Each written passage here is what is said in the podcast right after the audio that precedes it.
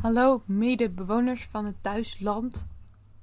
Welkom bij de conclusieaflevering van seizoen 1 van de Björn Help Me podcast. Lars en ik hebben een flink stuk lopen mijmeren vandaag over allerlei Van alles een grote vragen en kleine vragen. grote vragen, kleine vragen. En ehm, niks van wat we zeggen is, waar is Is definitief. Waarschijnlijk hebben we over een week weer andere, andere overwegingen. Maar dat is wel interessant, eh, denk ik. Ik vond het een leuk gesprek. En ik ben heel benieuwd wat jullie thuis hier eventueel van denken. Als je, als je, als je hier opmerkingen over hebt of zo, laat het vooral als je weten. hier zelf ook mee zit. En dat zeggen we aan het einde ook, maar toch ook even aan het begin. Bedankt voor het luisteren de afgelopen maanden. Ja, En ehm, geniet van de laatste aflevering. Of geniet. ja, ja, ja. Ah, gewoon oké. Ik hoop, we hopen dat je, oh, laten we, hopen dat je geniet van de laatste aflevering van het seizoen. Heel graag. En tot volgend jaar alvast.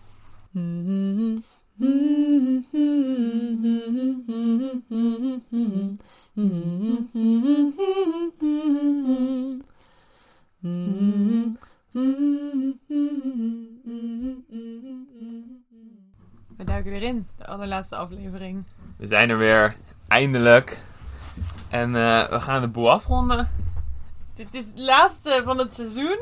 Welkom.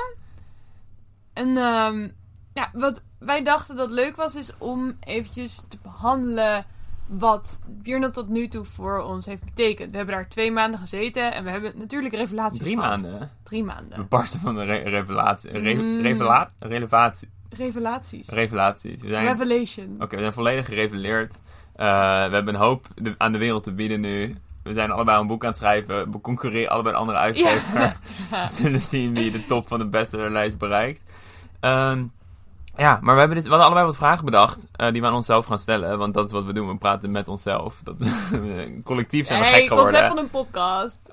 Dat- Ja. Voor alle podcasts hebben dat concept, volgens mij. Dat leek me eerst nog eh, leuk voor seizoen 1 van de podcast. Dat het een soort, een soort digita- auditief dagboek zou worden van hoe wij langzaam gek zouden worden. Ja, ja, ja, ja. Maar dat valt mee. Het valt mee hoe gek we zijn geworden. En we zijn nu weer terug in Nederland. Dat is wel belangrijk is nieuws. belangrijk, ja. Want we wouden eigenlijk de laatste aflevering opnemen in Björnlo, maar we waren allebei echt eh, best wel ziek. We Ja, een beetje ellendig laatste week. Ehm, we praten best wel hard geloof ik, dus we moeten misschien iets verder van de microfoon af. Ehm, maar dus hebben we nemen de laatste aflevering op in Nederland. Dat betekent een paar dingen. Dat betekent dat we soms even moeten knippen als er harde geluiden zijn. Ja, het stikt van de Die heb je harde niet in geluiden. Zweden. In Nederland zijn overal harde geluiden met hoofdletter H. Ehm, dus dat is een heel slecht podcastland. Een slecht podcastklimaat heeft Nederland. Ja, zou ik ook wel willen zeggen. Maar laten we erin duiken. We hebben, we hebben vier vragen. Ehm, en sommige zijn best wel groot of zo. Eh, groter dan je misschien na drie maanden kan beantwoorden. Maar we dachten, eh, dat is leuk. Want dan kunnen we misschien aan het einde van seizoen 2... Vooral jij leek de megalomane vragen wel op te stapelen. We mochten allebei vragen bedenken. En laten we zelf iets doen op een iets andere schaal. Over de dingen en de zaken had nagedacht dan ik. Maar Ja. dat is niet erg. Nee. Daar hebben we iets goed voor. We dachten, wij denken...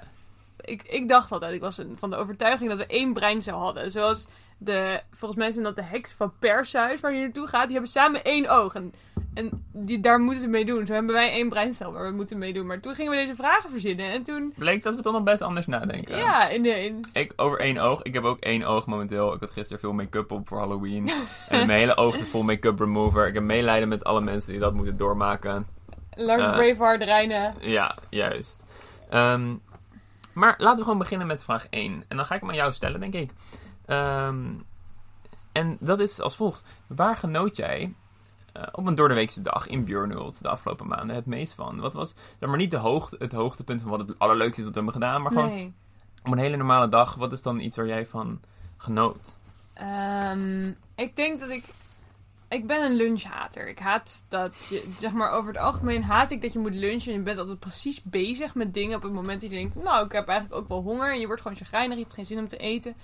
Onhandig. Maar ik moet zeggen dat ik vaak de lunch in Björnel, dat ik dan zeg maar eventjes weer het vuur ging aanmaken. Een kopje Je bent een lunchhater, maar het allerbeste moment was de lunch. Ja, pijnlijk genoeg. Oké. Of een kopje koffie of zo. En dan even samen zitten. En dan heb je al iets gedaan van de dag.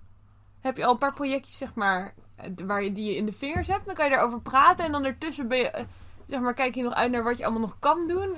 Ik weet niet, daar heb ik wel heel erg van genoten. Oké. En jij? Ehm, ja, ik had twee. Ik heb gelijk weer vals gespeeld. Ik had twee momentjes. En eentje, eentje was heel. Nee, oké. Mm.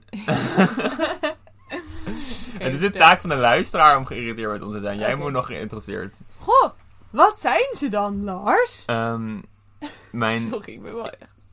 Wat, wat was het? mijn eerste moment waar ik veel van heb genoten is eh, als ik lekker van jou af wist te komen en ik in mijn eentje ging wandelen.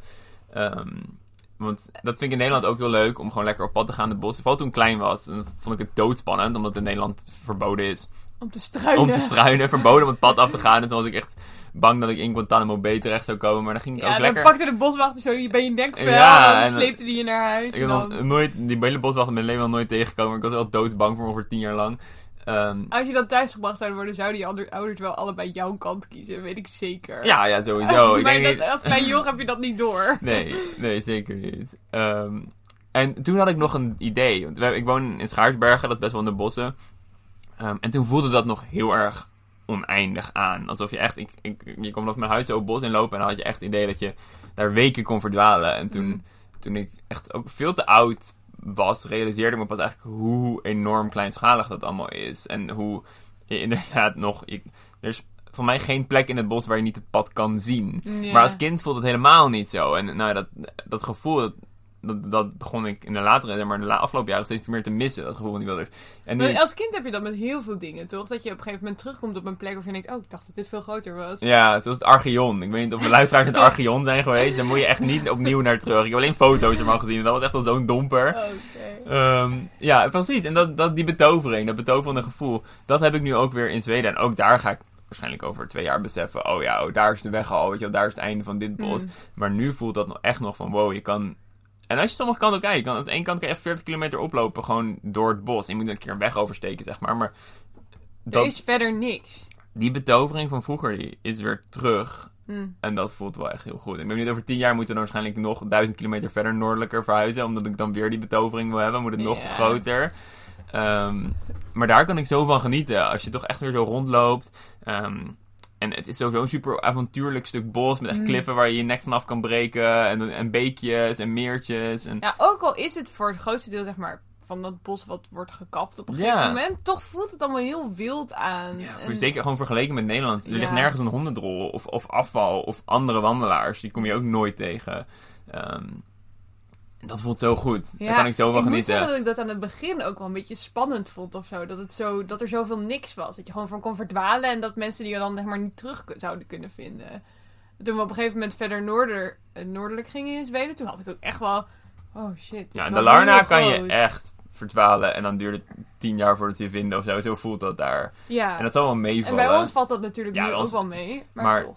Nou ja, je kan wel echt kwijtraken daar. En dat... Hm. En ik ben wel een paar keer... Ik hou van het gevoel dat je net begint te denken... Oh, voor mij ben ik een beetje verdwaald. Hm, als ik Hou je ervan? Ja, ja. Als je Ah. denkt, oh, ik moet nu die kant op lopen. En dan zou ik het goed binnen een paar minuten een, een pad kunnen vinden of zo. En dat het dan net te lang duurt. En dat je denkt, oh man. Als je dan Oh, een pad nee. uiteindelijk wel vindt, denk je, oh...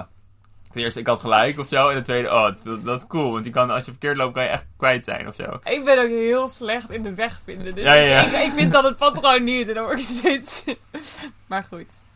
Dus dat is iets waar ik En dat mis ik nu ook heel erg. Nu al terug zijn wil ik... eh, de Mm. Nederlandse bossen hebben wel een beetje de charme verloren dan ook voor mij. En dat is dan toch wel weer jammer of zo. Eh, ja, dat is toch wel vergeleken met Zweden heel, heel weinig. En dan het tweede ding... En dat is een kort... Dat was van de zomer. Iets waar ik echt heel erg van genoot. Toen we... eh, Bart en Marlies en Corné, mijn broertje... En twee vrienden hadden we over de vloer. Hm. En we waren echt met vijf man. En toen was ik vaak als eerste wakker.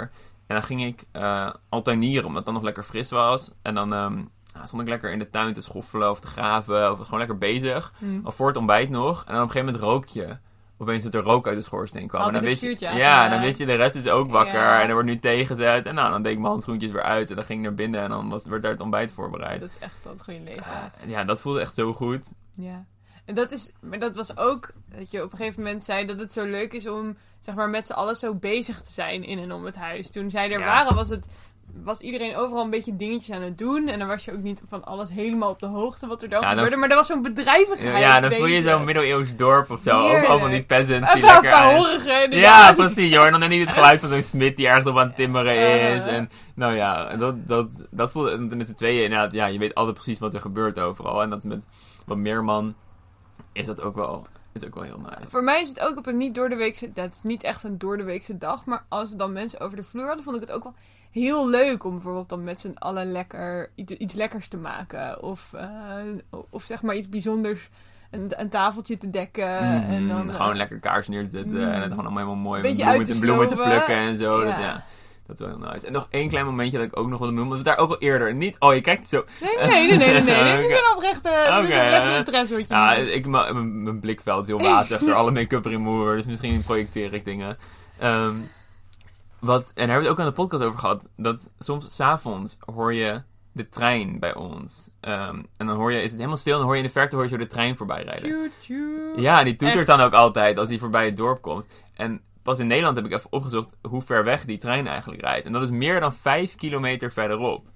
Wat echt... Ik bedoel, hier... Arnhem Centraal is hier 2 kilometer vandaan. Daar heb ik nog nooit één geluid van gehoord. Nee. En hier hoor je gewoon 5 kilometer verderop een trein rijden, omdat het verder zo stil is. Ja. En dat is dan het enige menselijke geluid dat je hoort. En dat, nou ja, bij nader inzien is dat ook wel heel cool. Mm. Dan ook nog hiervoor hoor je, nou ja, ik, we wonen nog in de stille provincie Gelderland. En bedenk hoeveel Hoeveel geluid er gewoon continu is. ja, dus dat is wel, nou ja, dat is bij nader inzien toch ook wel heel gaaf of zo. Dat je, dat, Ja. nou ja, dat je zo ver bent van alles. Ehm, en dan heb ik een wat kortere vraag. Ehm, Voor mij. ja, voor jou. Of jij mag hem ook aan mij stellen als je wil. En dat is, welk project ben je het meest trots op dat we hebben uitgevoerd? Mm. En dat is dan leuk om ook eh, maar over een jaar opnieuw te stellen. Om te kijken wat, of dan de schaal der dingen misschien ge- ge- gegroeid is. Ja, ja. Ehm, maar welk project ben je het meest Het trots op? project waar ik het meest waardering voor heb gevoeld, is die tafel die we hebben geknutseld. Er waren heel veel mensen zijn er heel enthousiast over geweest. Ja, Dat, is wel, dat vind ik wel leuk. maar daar hebben we het over gehad. fijn. Maar daar hebben we ook het al over gehad.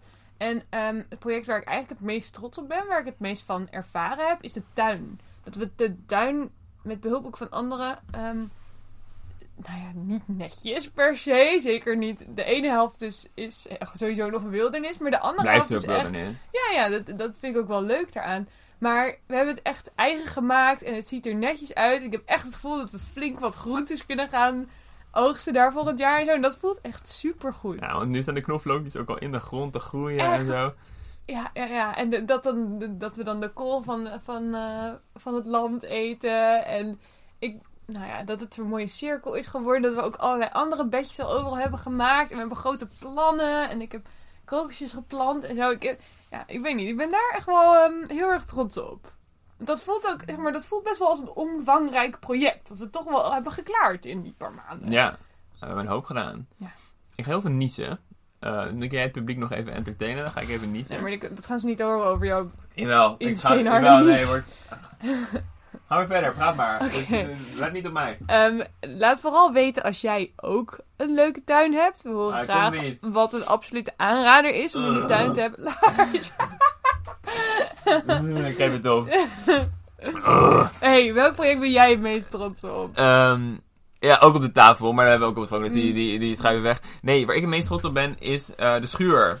Want als kind... De schuur. Ja, de schuur. Die, De- die, die de wa- Walden Stuga. Ja, die hebben de Walden Stuga genoemd als eer, eerbetoon aan, aan, aan Henry David Thoreau. Ehm, maar ik was dus als jochie, wou ik dit al heel graag. En kon natuurlijk. Een eigen huis van een eigen schuur. Nee, nee, eh, zo'n leven. Een, een Mm. leven in de bossen wilde ik. Niet, niet een eigen schuur, maar een grote droom was een eigen schuur. En een vrouw met enorme tieten. Ehm, Een van de twee wel leuk. ja, ik heb een schuur. Eh, I'm here to fuck bitches en get a schuur. Ehm, nee, eh, zo'n bos, zo'n wildernisleven. En dat voelde 100% totaal onbereikbaar. En ik had wel best wel een goed inkomen, want ik werkte heel braaf iedere week. Ehm, dus ik had best wel veel geld. En toch, Ja. en ik voelde, ja, ik had toch een soort drang om daar naartoe te bewegen. Dus ik verzamelde gewoon allemaal spulletjes die ermee te maken hadden. Mm. Dus dat was voor jou ook wel verbazingwekkend toen mij leerde kennen. Ik had echt als jongetje van 12 al echt een veel te dure hakbel gekocht. Eh, Ik was ook, ik kwam dan, ik, ik, ik kende Lars eigenlijk vooral van, dat hij gaf wel, je was wel feestman. Je hield wel van uitgaan, je hield wel van drinken. En dat was ook best wel cool toen we 16 waren of ja, zo. maar deze dat zag ik periode... vooral Ja, maar die aan. wildernisperiode Ja. was tot mijn, tot mijn zestiende. Ja. En toen ging ik veel alcohol drinken en, en feestjes organiseren Ja. en zo. Mhm. En toen leerde ik jou kennen en toen daarna kwam het vrij gauw weer terug. Want toen gingen we naar Schotland en toen dacht ik zo, oh, ik dacht van, holy shit, maar ja, ik heb al deze spullen, Mm. heb ik al onder mijn bed lag een soort enorme verzameling. Ik had ook gietijzeren pannen en waterfilters. En dus al deze hakbijlen die ik... Heel veel over datum, zeg maar. Over da- lang houdbaar voedsel. Ja, ik Oh, flink over datum. was dan ook een beetje een prepper en zo. En er- nou, met die hakbijlen deed ik dan ook heel weinig. Het schattigste, het schattigste was de zak meel die in het preppakket zat. Dat hij voor zichzelf had gemaakt. Hij woont in de Ik bakkerij. had, nee, maar dus ik had, ja, ik Reine- voor het geval de apocalypse uitbreken had ik wat suiker en wat meel onder mijn bed. Terwijl in de bakkerij liggen honderden kilo's van allebei. Ja, ik was Heel lief. voorbereid. Ik was voorbereid op lief. alles. Ja. Ehm, en ik had dus al deze spullen die ik dan wel heel goed verzorgd, maar ik dan helemaal niks mee kon eigenlijk. Eh, ja, het voelde bijna een beetje als larpen of zo, als je dan mee rondsjouwde, dat je gewoon aan het doen Mm. alsof was. En nu opeens liggen al die spulletjes in, in onze mooie houten blokhut van 200 jaar oud. Er liggen mijn bijlen en ik heb van, iemand, van, van Bart heb ik visspullen en een boog geleend. En al onze sportspulletjes liggen daar en al het gereedschap. Eh, en als je daar uit het raam kijkt, kijk je door de bossen heen en zo. En het voelt opeens, ja, alsof niet alleen ik, maar ook al mijn spulletjes eindelijk op hun plek zijn gekomen. thuis zijn. of zo. Ja, alsof ze thuis zijn Ah. gekomen. Die hangen er allemaal zo heel mooi aan de muur en zo. En ik heb alles lekker geolied. En nou, dat voelde heel, Ja. eh, heel goed. En toch, ja, eh, bijna alsof je je dan voelde aankomen of zo. Dat Mm. al, de- al die spullen al had verzameld. Ehm, Ja, en ik had aan het begin een beetje dat ik dacht, ja, ehm, eh, jij was, jij was meer, jij hebt uiteindelijk uitgezocht hoe goedkoop huisjes waren in Zweden en zo. En je had het grote plan bedacht. En ik was een beetje twijfelachtig daarover. En ik dacht, ja, past dat wel bij mij of zo? Maar toen bedacht ik me dat ik echt vanaf dat ik twee was, elke zomer in Schotland heb besteed. Waar je ook in zo'n soort van huisje woont met net stromend water, geen wc binnen en waar je alles uit de tuin moet halen en zo. Waar ze elke dag aan vissen gaan, omdat er anders geen avondeten is. En dat is gewoon precies hetzelfde. Dat is wat we nu ook doen. Ik ja, en ook waar aan jouw meest gelukkige herinneringen allemaal van. gemaakt zijn. Ja, mijn hele jeugd is ook, zeg maar, heeft me ook hierop voorbereid in Ja. die zin. En dat is toch best wel gek. Ja. En het maakt ook, ja. Ehm wacht even, even pauze. Oké, sorry, werd even kort onderbroken. Ehm, derde vraag. Wil jij daarmee beginnen of niet? Ja. Want dat is de... Dit is, dit, hier komen de grote vragen. Ja. Ehm, kort Siebe Die van dus- Lars aan ook niet alleen voor nu ik aan mezelf vraag, maar ook, ook, ook aan Lars Instituut over een jaar vraag, zeg Ja. maar. Dus daarom zijn ze misschien wat groter dan waar we iets over kunnen zeggen nu al na Ja, drie maanden. eh, Maar we kunnen wel maar- vast een soort indicatie geven van welke gedachten er door ons hoofd heen gaan. En hardop erover nadenken. Ja. Ehm, wat heeft de tijd in Björn gedaan met het beeld van jouw toekomst? Jouw toekomstbeeld. En dat is dan misschien van, van de mensheid, maar ook gewoon van jezelf. Ja, in ieder geval, ik had het in ieder geval geïnterpreteerd als van mezelf. Ik hoe, ook. hoe ik mijn eigen leven nu voor me zie, zeg maar. Of, of dit daar iets mee Mm. heeft gedaan met het beeld dat, dat je hebt Ja, van hoe je toekomst. Ja. Ja, want je, je, je leeft toch altijd met een soort idee van: oké, en dan ga ik. Ehm, en dan ga ik studeren en dan ga ik werken en dan krijg ik kinderen en dan word ik oud en dan ga ik stoppen met werken en dan dat idee, zeg ja, maar. gewoon, Hoe, hoe heeft dat, dat vage toekomstbeeld, hoe heeft het het meer vormgegeven? Nou, wat ik in ieder geval eh, als eerste les hieruit heb gehaald of zo, al vrij gauw, Hm? ehm, toen we in Zweden waren aangekomen, was dat ehm, ik echt veel meer eh, eh, zelfvertrouwen heb in mijn eigen dromen, zeg maar. Ik had, je, hebt Mhm. als, als, als puber en als tiener ontwikkel je een aantal dingen van, oh, dit is waar ik, dit is wat ik wil, dit is wat mij uniek maakt, dit, dit, is, dit zijn de dingen die ik leuk vind, dit zijn de dingen die ik later wil doen. Ehm, en wat ik bijvoorbeeld merkte, rond mijn achttiende of zo, was dat, dat ik, ik had echt iets, oh, ik wil iemand zijn die heel erg houdt van, van muziek en die naar concerten en festivals gaat en zo. Dat lijkt me echt, dat is cool. Maar dit was ook wel misschien een beetje omdat je neven dat ook allemaal deden. Ja, precies. ik toen een paar vond. mensen, nou, een paar mensen waar ik naar opkeek, die deden dat ook. Ik dacht, oh, dat ga ik doen. En toen deed ik dat. Dus ik had, nou, ik, ging een keer naar Pinkpop en een keer naar, naar en eh, toen besefte ik van, oh, hier vind ik eigenlijk geen zak aan. Dit is best wel duur en dit is helemaal niet leuk. Ehm, Niet voor jou was het in ieder geval. en dat is best wel essentieel, want dan denk je, oh fuck, ik dacht dat ik dit heel leuk zou vinden. Nou, dat wat je cool vindt, vind je misschien niet zo leuk ineens. Maar Ja. wat je dan beseft. Ja, of snowboarden of zo, weet je wel. Dat was ook geen zak aan. Dan weet je dat wel cool vindt. En dus dan... ehm, dan ga je je afvragen, heb ik wel een goed gevoel van wat ik zelf leuk vind? Kan ik wel goed inschatten wat ik leuk vind? En ik was heel bang dat toen we dit gingen doen, dat dan zou blijken dat het helemaal niet zo leuk was als je het van tevoren... Dat je, geen, Ja. dat je niet goed kon inschatten in hoeverre je wel of niet zou genieten van iets. En wat bleek, we genoten er wel heel erg van. Ja. En dat was een enorme opluchting. En heeft me een hele hoop vertrouwen gegeven. Van, oh ja, ik heb toch wel zelf een heel goed beeld van wat ik wil van mijn toekomst. En dan kan ik daar ook van genieten. Ja. ik, ehm, ik heb er eigenlijk niet zo, zo in die zin over nagedacht. Ik dacht meer, journal heeft voor mij heel erg betekend tot nu toe. Eh, ik vond het heel erg fijn om ehm, bezig te zijn met mezelf. Dat is een beetje egoïstisch, maar ik was niet aan het werk voor iets of iemand. Het was gewoon voor het huisje en voor ons samen. En het ging hier vooral over bezig zijn met de meest basale dingen. Ehm, en ja, ik vond dat wel heel erg fijn. Ik heb ook wel ervaren dat ik, ook al heb je met corona, hadden we van tevoren ook al wel best wel dat we eigenlijk alleen maar elkaar en familie zagen. Ik vond dat toch wel dat je. ehm, ehm, dat je dat echt voor jezelf doet, vond ik wel heel erg fijn. En heel onafhankelijk. Ook. Ja. Je, kan, je kan jezelf En blij en heeft- gelukkig maken. Of ja. we kunnen onszelf blij en gelukkig Dat is een maken. vaag verhaal van mij. Maar Nee, nee, nee. Het is wel. ehm, en- en dat heeft me ook wel. Ik zou ook nu niet meer bijvoorbeeld. Hoe ik het voor me zag. Dat ik, dat ik gewoon zou gaan werken en heel veel geld zou gaan verdienen. Maar ik zou wel graag ook heel veel ruimte willen scheppen voor dit soort dingen. Het heeft een beetje te maken met de volgende vraag ook. Ja. Maar dat ik. Nou ja, vroeger wilde ik toch altijd ook wel veel geld verdienen. Ik wist niet precies dan waarvoor. Gewoon om zoveel mogelijk spullen te kunnen kopen die ik zou willen. of zo. Maar nu ik besef dat je met wat je, wat je allemaal kan doen al met 1000 euro ehm, per maand, dan, dan zeg ik toch, nou, dat, of ik nou heel veel meer nodig heb, dat betwijfel ik nu een beetje. ja. Ja, en dat, Als dat, dit zo erg bevalt. en dat kunnen we wel gelijk dan inderdaad koppelen aan de volgende vraag. Van hoe beïnvloedt de, hoe, hoe, hoe heeft de tijd in Biernold je blik op de samenleving beïnvloed? Want die vraag heb ik ook een beetje op zo'n manier geïnterpreteerd. Ja. Ehm, Het hangt een En- beetje samen ook met je eigen toekomst en jouw plek in de samenleving. Want, nou, wat ik net al zei, we zijn heel erg bezig geweest met onszelf. En ik, wat ik heel belangrijk vind is milieubewustzijn. En ook daar, we zijn niet ehm, schadelijk voor het milieu, maar we zijn ook niks aan het oplossen. nee, jij zou graag ook meer een positievere... Ja, positievere niet CO2-neutraal, maar CO2-negatief bijvoorbeeld. Dat je, Ja. zeg maar... En dat is omdat we die appelboom zijn vergeten te planten. Dan waren we Ja. CO2 negatief Shit. geweest. maar ehm, ehm, voor nu vind ik het wel heel fijn om met mezelf bezig zo te kunnen zijn. Ja. En ik zou dat in de toekomst zou ik dat graag wel daaraan willen toevoegen dat ik ook, nou ja, bijvoorbeeld ervoor zorg dat ehm, de omgeving natuurlijker wordt of zo. Maar Mhm. voor nu is dit echt eh, perfect. Ja, en dat, ja, iets waar ik dan veel, sowieso veel over nadenk, is wat is dan wat is de relatie van werk tot je leven? Wat, Hmm. hoe, eh, omdat we hebben allebei denk ik om ons heen best wel veel mensen die veel werken. Ja, En ik vraag me af, waarvoor zijn die mensen dat nou aan het doen? Ehm, ja nou ja, en Zijn- mijn, wat, wat mijn beste gok was, was voor je kinderen ook ervoor zorgen te zijn. Een soort buffer. Want ik heb van mijn ouders een soort buffer gekregen en daar ben ik heel erg dankbaar voor.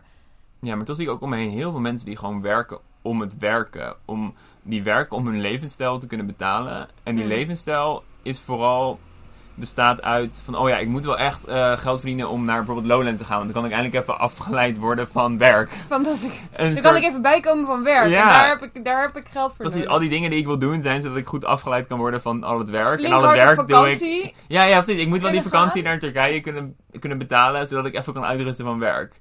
Ja. En dat is een soort cyclus van oneindig, oneindige werk en oneindige stress. Ehm, en ik ben, ik ben niet tegen werk of zo. En zeker als je ook leuk werk hebt, snap ik het heel erg. Maar ik zie toch een hoop mensen die denken, ja, wat... Want nou ja, zoals wij nu berekenen, kunnen we allebei één dag per week werken. En daar zouden we van kunnen leven. Ja. En dan vraag je af, eh, waarom doen niet... Ja, precies. Waarom doen niet meer mensen dat? En dat is omdat het leven in Nederland is veel duurder. En al, je moet er maar zin in hebben om zonder stroom te gaan leven. Ja.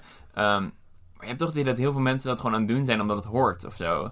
ja, dat het normaal is. En dat, dat is ook op, op, het volgende, op die volgende kwestie. Hoe beïnvloedt Pure de blik op de samenleving? Ehm, en dat is nog iets waar ik al best wel lang heel, heel erg mee bezig ben. Ehm, is hoe, en dat komt misschien ook wel omdat ik dan eh deels geschiedenis heb gestudeerd. Is Mhm. hoe we nu leven als, als Nederlanders en als mensen in de 21ste eeuw. Is zo toevallig.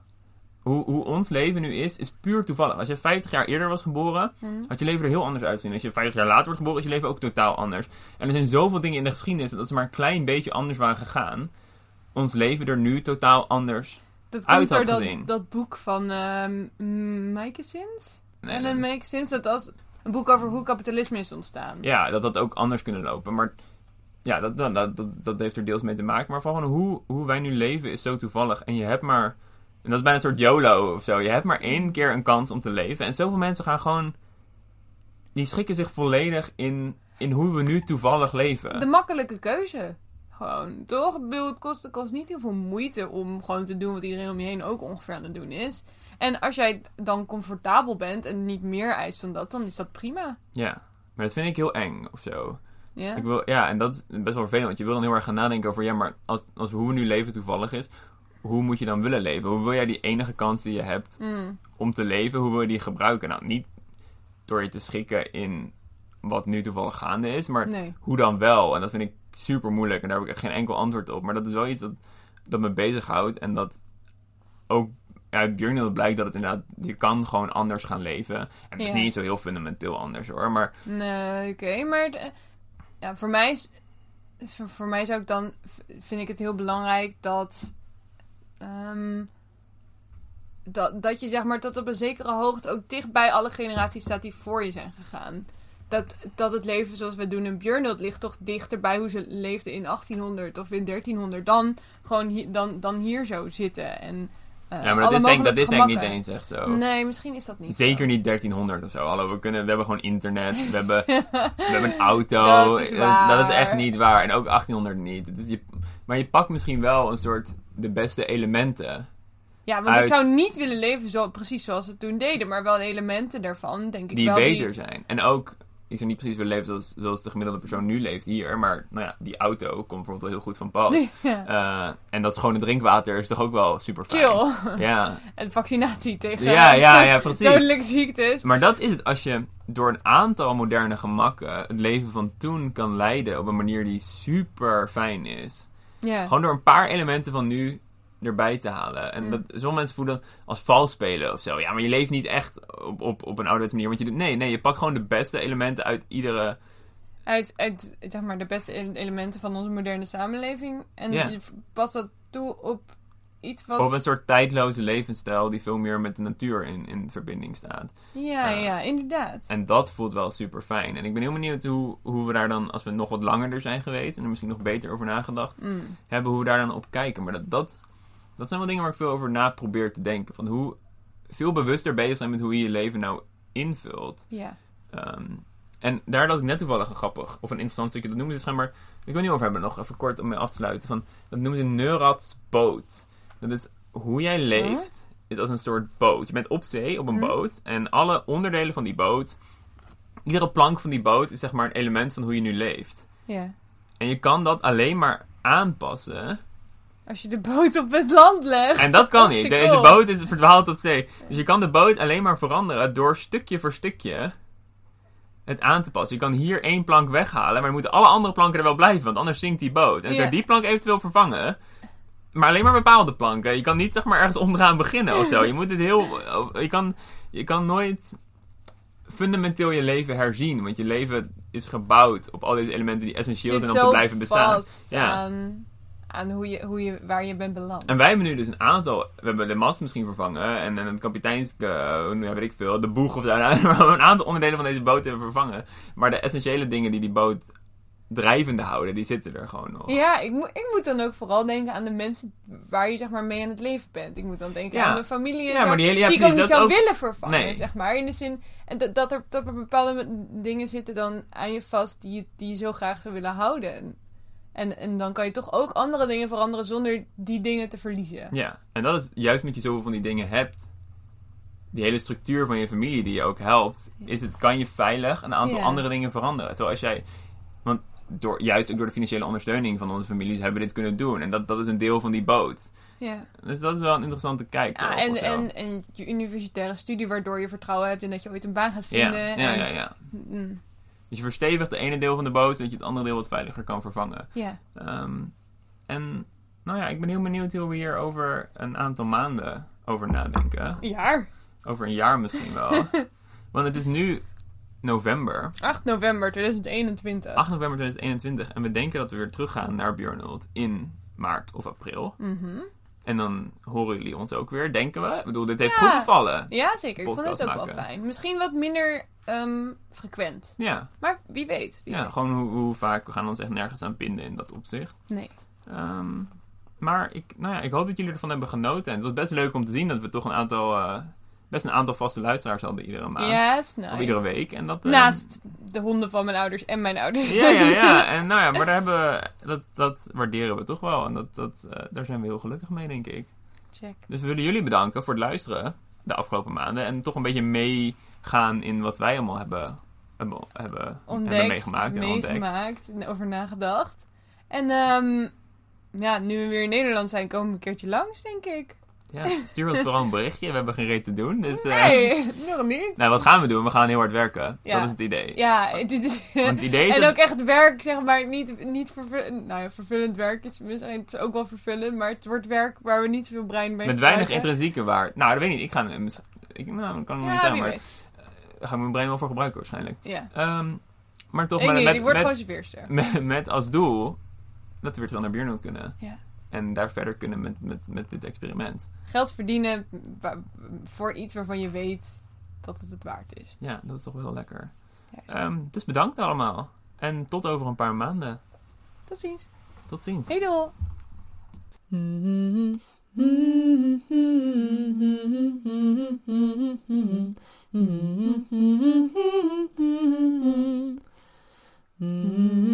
Mm-hmm, mm-hmm, mm-hmm, mm-hmm.